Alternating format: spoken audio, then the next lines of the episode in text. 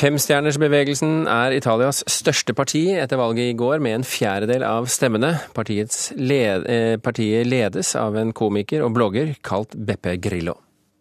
Non hanno ancora capito che cosa gli sta arrivando! Non hanno capito! Non hanno capito! De har ennå ikke skjønt hva som er i ferd med å skje med dem, sier han. Overgi dere, dere er omringet, dere er usynlige. Ja, det sa altså Beppe Grillo på et valgmøte, eller sa, han skrek på et valgmøte før hans parti stakk av med seieren. Elisabetta Casina Wolff, førsteamanuensis i historie ved Universitetet i Oslo. Velkommen til Kulturnytt. Takk. Dette er jo en mann som Han virker jo veldig selvsikker, eh, men det er jo ikke så mange egentlig som har trodd at han kunne bli eh, det største partiet i Italia? Nei, de trodde ikke selv. Eh, jeg tror de, de er selv veldig overrasket for, for seieren. Og nå gjelder det å forvalte denne seieren. Men du trodde at han kunne vinne? Ja, ja, det Jeg ble sikker for en uke siden. Hva var det som gjorde at du trodde at han kunne vinne? Jeg har fulgt nøye med de siste taler han holdt i Piazza eh, med eh, valgkampanjen. Han har samlet hundrevis, tusenvis av, av italienerne. Og så har jeg hørt eh, hans intervjuer med ulike journalister fra, fra hele verden. Han skriker ikke når han gir et intervju. Han er nokså rasjonell og kommer med politiske forslag på et politisk program som jeg forstår blir likt av mange i Italia. Men dette er jo en mann som er kjent først og fremst for å være standup-komiker, og han har en veldig populær blogg i tillegg. Eh, hvordan kunne han bli politiker? Nei, det som er saken, er at politisk satire er en form for politikk.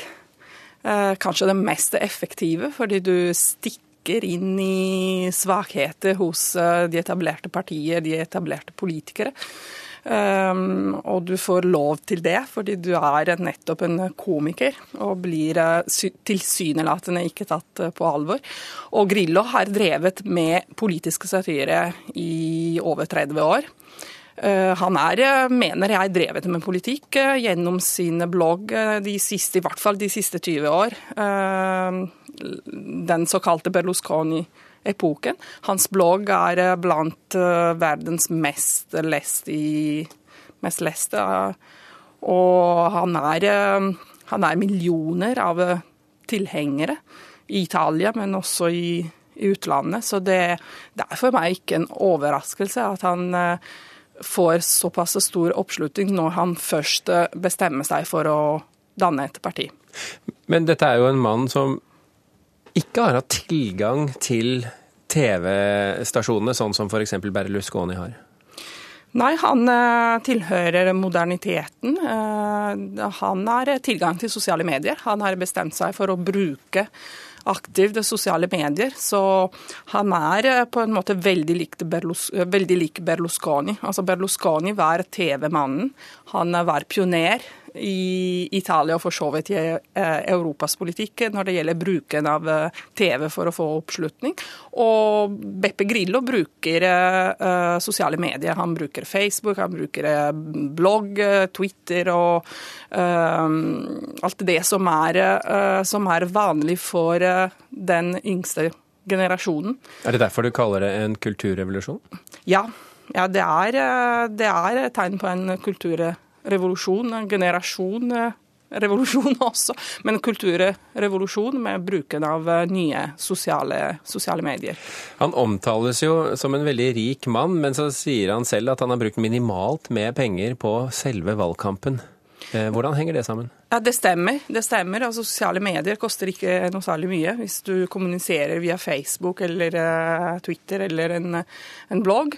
Uh, han, han er eh, selv sagt at han, uh, at han, ikke vil ha refusjon for utgifter i valgkampanjer. Han har kombinert to veldig forskjellige metoder. Altså På den ene siden så, så, brukte han sosiale medier. På den andre siden så reiste han rundt med campingbil barnevogn og samlet folk i piazza, som man gjorde i gamle dager. I god gammel tradisjon. I gode, ja, de gode gamle dager. Og han, dette var meget effektivt, noe som de etablerte partier ikke ikke skjønte, så Berlusconi satset fortsatt på TV, og øh, venstresiden satset på mm, aviser, papiret, papiraviser.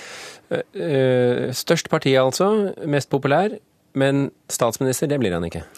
Nei, han kan ikke bli statsminister fordi uh, valgsystemet Eh, gjør det slik at det er den største koalisjonen som får flest mandater i, i parlamentet. Det er sentrum-venstre-koalisjonen. Ja. Elisabetha Casina Wolff, tusen hjertelig takk for at du kom til Kulturnytt. Takk i like måte.